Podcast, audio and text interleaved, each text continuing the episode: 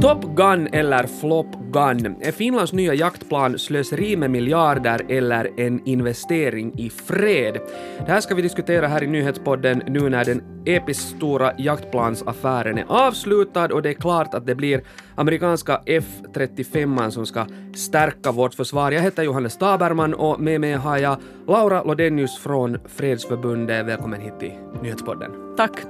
Eh, Laura, du är verksamhetsledare för Fredsförbundet och jag antar att du i den egenskapen inte är någon stor vän av jaktplan, men berätta, vad är liksom dina filisar nu när, när Finlands stora jaktplansaffär är klappad och klar?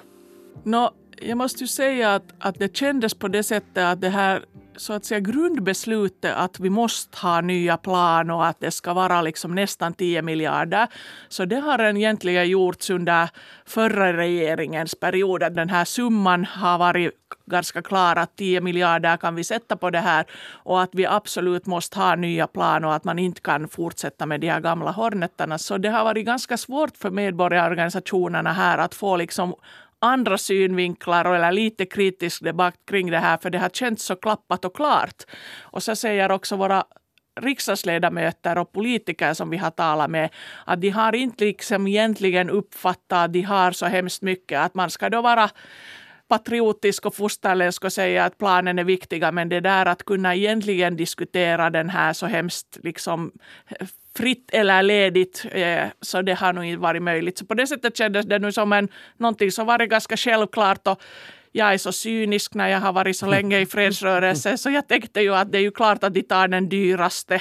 Och ganska säker var jag på att det är en amerikan så inte kan jag säga att jag var jätteförvånad eller någon som har följt den här att det blev just det här. Mm. Jag tänker just på det där, det känns som att det senaste året så har diskussionen hemskt mycket handla om att liksom jämföra de här olika flygplanstyperna som valet då stod mellan och titta på deras liksom tekniska prestanda. Fokus har legat mera på det här än på liksom de här större principerna bakom hela affären. Håller du med? Ja, jag tror att där finns en sån här liksom uppdelning att man säger att försvaret så att säga ska ge det där äh, svaret på vad som är tekniskt bäst och sen är det liksom politikerna som ska ge den här politiska så att säga ramen för det här, att varför det nu behövs och så vidare. Men på något sätt har det här nu inte fungerat utan politiker har egentligen bara sagt det att att det behövs och inte har det getts någon sån där till vad det nu svarar, vilka hotbilder det är nu så hemskt konkret. Förstås vet vi alla att man tänker på, på Ryssland och på vad som händer i Ukraina och Vitryssland, att det är därför vi har ett militärt försvar.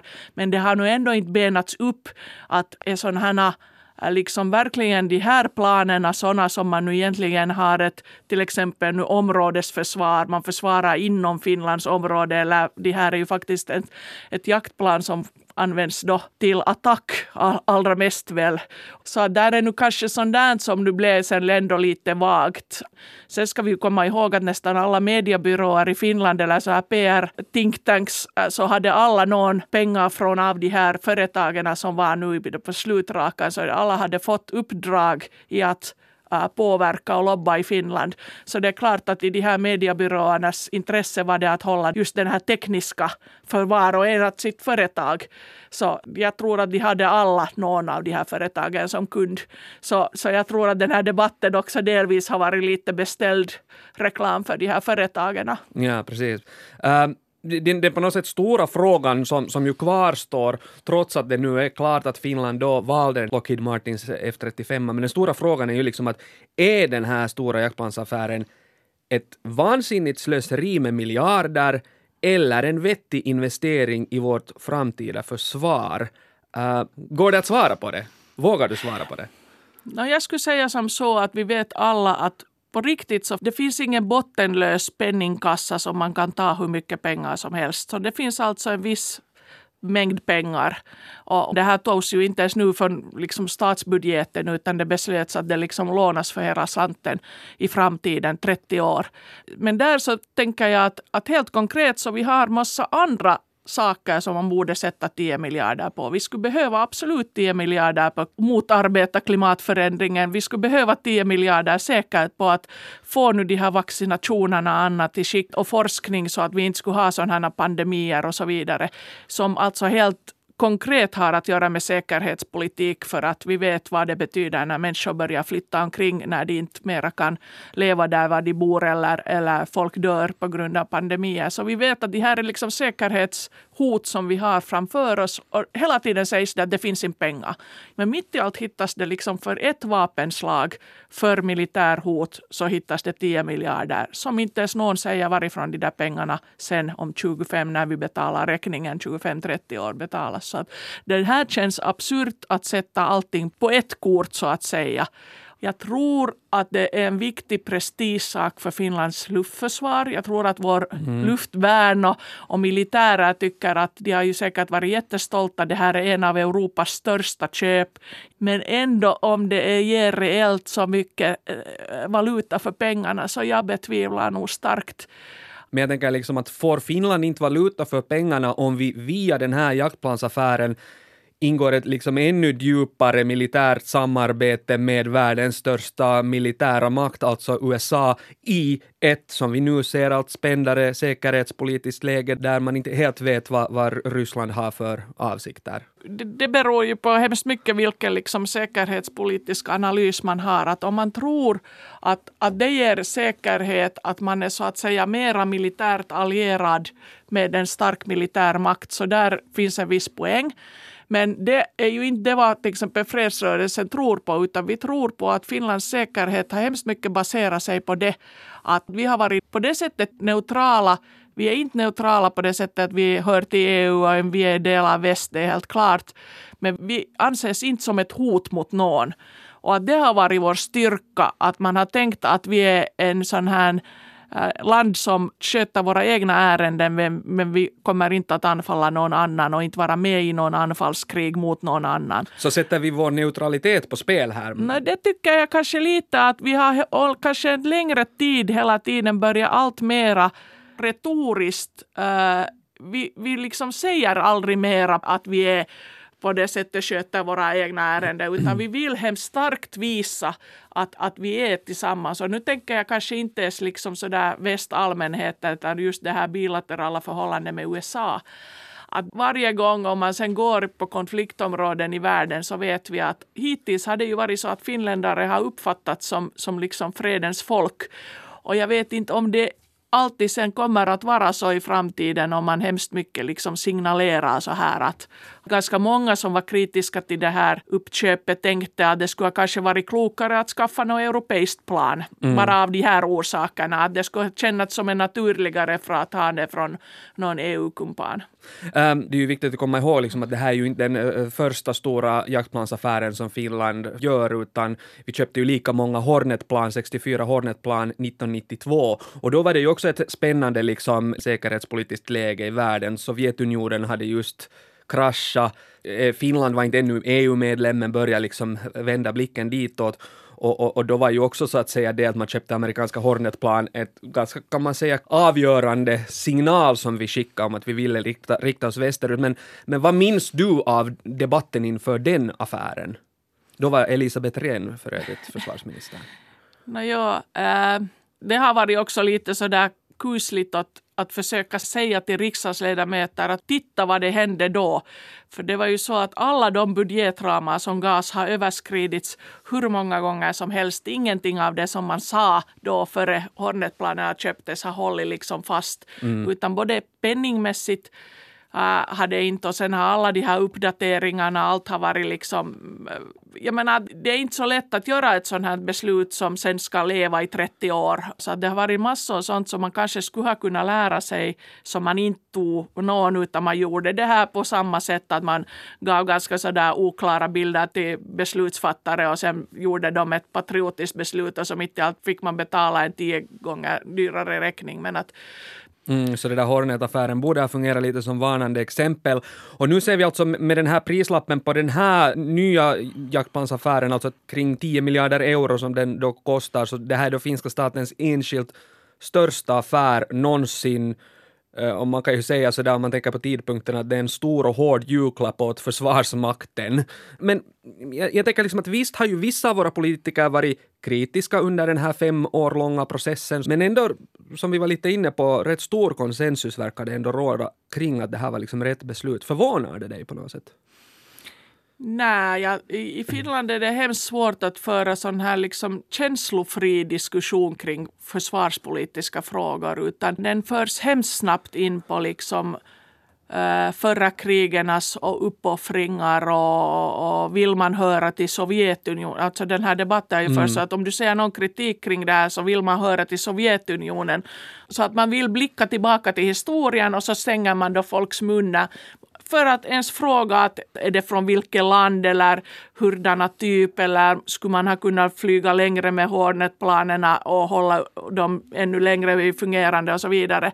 Så jag menar att det var helt var sakliga, det var ingen som sa att hela försvaret ska slopas eller att vi inte ska ha någon finländskt försvar utan man frågar liksom olika tekniska frågor så var genast det här att man är då opatriotisk om man, om man frågar frågor. Så att på det sättet var jag inte förvånad och jag vet att inom riksdagen fanns det också människor som aldrig kom fram och sa någonting alls högt fast mm. de hade en del tankar för att de ville inte uh, hamna för den debatten att bli anklagad för för ofosterländskhet. Så är det liksom på något sätt vårt nationella krigstrauma som på något sätt spökar här i bakgrunden och, och fortfarande rädslan för ryssen som inverkar?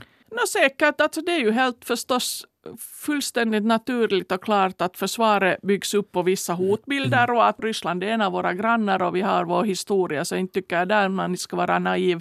Och, och, Ryssland är ju inte någon, just nu någon hemskt liksom demokratisk eller stabil granne utan man märker att, att där är liksom hemskt mycket sån här aggressiv retorik i förhållande till, till liksom omvärlden. Så att det finns alltså en logik i varför man har sån här tankar om att det ska finnas ett försvar. Men att det här var ju ändå en speciellt stor och en speciellt speciell liksom, äh, anskaffning. Att inte kan man säga att om inte Finland har just de här jaktplanen så har vi inget försvar utan vi har ju ett försvar som består av många olika delar. Och framför allt det som nu fredsrörelsen vill föra fram här är ju det att det är ju vår utrikespolitik och det att vi har bra förhållande med våra grannar och våra relationer med alla länder som det är det som är kärnan i vår säkerhet. Att inte kan vi börja tänka att vi vinner ett kärnvapenland med någon liksom att vi skaffar så mycket vapen att alla i världen är rädda för oss. Så det är, liksom, det är naivt att tro det. Mm. Utan, utan nu är det med helt andra, andra äh, metoder som ett litet land äh, sköter sina ärenden. Och, och, det gör vi ju också. Jag menar, vi har en president som försöker nu medla i konflikter och diskussioner som handlar om Ukraina och så vidare. Att... Ja, president Niinistö, han, han, han nyligen helt för några dagar sedan förde ju telefonsamtal både med Rysslands president Putin och med USAs president Biden efter då att den här äh, jaktplansaffären var klar. Och, och Biden applåderar Finlands beslut att, att köpa de här F35orna vilket däremot knappast då välkomnas av Putin eftersom med, med de här nya jaktplanen till exempel kan skjuta missiler ända härifrån till Moskva. Men, men jag menar, ser du en risk för att den här affären bidrar till någon form av sånt upprustningsscenario direkt taget från kalla kriget? Jag tror ju inte att Putin i och för sig tycker att det är underligt att vi skaffar vapen. Han är ju väl själv också en gammal militarist och spion så att jag menar, inte han är ju någon fredsman så att på det sättet tycker jag, tror jag att han tycker att det är helt normalt att vi skaffar vapen. Men det som han nu misstycker och försöker hela tiden argumentera att han inte vill att Nato ska börja ha gränser med Ryssland direkt så de vill inte ha sådana medlemsländer till Nato som är så liksom direkt kopplade till Rysslands gräns. Men att de tror jag att, att, att Ryssland nu blir hemskt upprörd över det här uppköpet. Mm. No, men det är ju ändå helt klart att, att liksom vår position på världskartan eh, med en lång gräns mot Ryssland, det, det, ställer ju ändå höga krav på vårt försvar. Men menar du att det skulle finnas liksom bättre sätt för att upprätthålla ett tillräckligt trovärdigt försvar som på något sätt uh, svarar mot, mot hur dagens konflikter eller med, med hybridkrig och hybridkonflikter ser ut än just jaktplan? Kanske ett långt gräns betyder att det som vi kanske behöver i modern tid är ganska mycket liksom kunnande och möjligheter att överhuvudtaget bevaka vårt område. Att veta vilka människor som går över gränsen, vad det finns för liksom rörelse. Att kunna reagera snabbt om det händer någonting kring vår långa landgräns och så vidare. Så där är ju sånt som, som man i modern värld förstås gör med helt annorlunda teknologi som handlar kring cybervärlden och kring uppifrån rymden övervakning och digitalt och så vidare. Att det har inte så mycket med det att hur många gubbar man har som springer med, med gevär eller ens åker med flygplan det där, dagens äh, hotbilder handlar ofta om lite andra saker. Det handlar om det vad vi har hört att någon kan påverka möjligen val äh, med digitala medel, att man kan göra äh, oroligheter inom landet med all mm. missinformation. Det handlar om hemskt mycket annat än om den där gamla frontala kriget som man tänker från forna tiderna. Att det kanske handlar om det gamla sägespråket att militärer för alltid det föregående kriget. Men det kanske inte har ens med professionella militärer att göra, men kanske med befolkningen också. Kanske vi som människor ofta tänker på det som var det föregående vårt krig och så tänker vi att det kommande skulle vara ett liknande. Men det kan handla om det som händer i cyberteknologi, det kan handla om flyktingar, det kan handla om om allt möjligt hur man använder naturresurser, gasledningen och så vidare. Mm. Och det är sånt som man igen inte kan skydda oss med sådana här plan. Men jag tror nog att det håller på att ske liksom någonting som påminner om kalla kriget. Och det handlar inte om Finland fast vi nu har beslutat gå riktigt i spetsen för den här upprustningen i Europa. Men att det håller alla europeiska länder, många håller på nu att sätta mera pengar på vapen och på militärt. Och då är det borta från det övriga, allt det här övriga möjligheterna till att bygga säkerhet. Och det är det som oroar oss. Mm. Uh, många säger nu att, att, att om de nya jaktplanen aldrig behöver användas liksom i skarpt läge utan bara har mer en sån här avskräckande effekt, så då har de fyllt sin främsta uppgift. Skriver du under det här argumentet? No, det är klart att jag som fredsaktivist absolut hoppas att de aldrig behöver användas. Och, och det är ju lite det som är det absurda med, med sånt här. Att nu hoppas jag ju att de aldrig behövs. Trots att jag tycker det är en horribel summa och att det är att slänga pengarna i sjön så tycker jag ju att då får de helst nu vara mera till att visa försvarets stolthet på olika övningar. Tack eh, Laura Lodenius från Fredsförbundet för att du kom hit till Nyhetspodden och, och diskuterade den här enorma affären och de här jaktplanen som vi får fortsätta att nu leva med så att säga. Tills vi är pensionerade. Precis. Tack. Jag heter Johannes Taberman. Fortsätt lyssna på oss.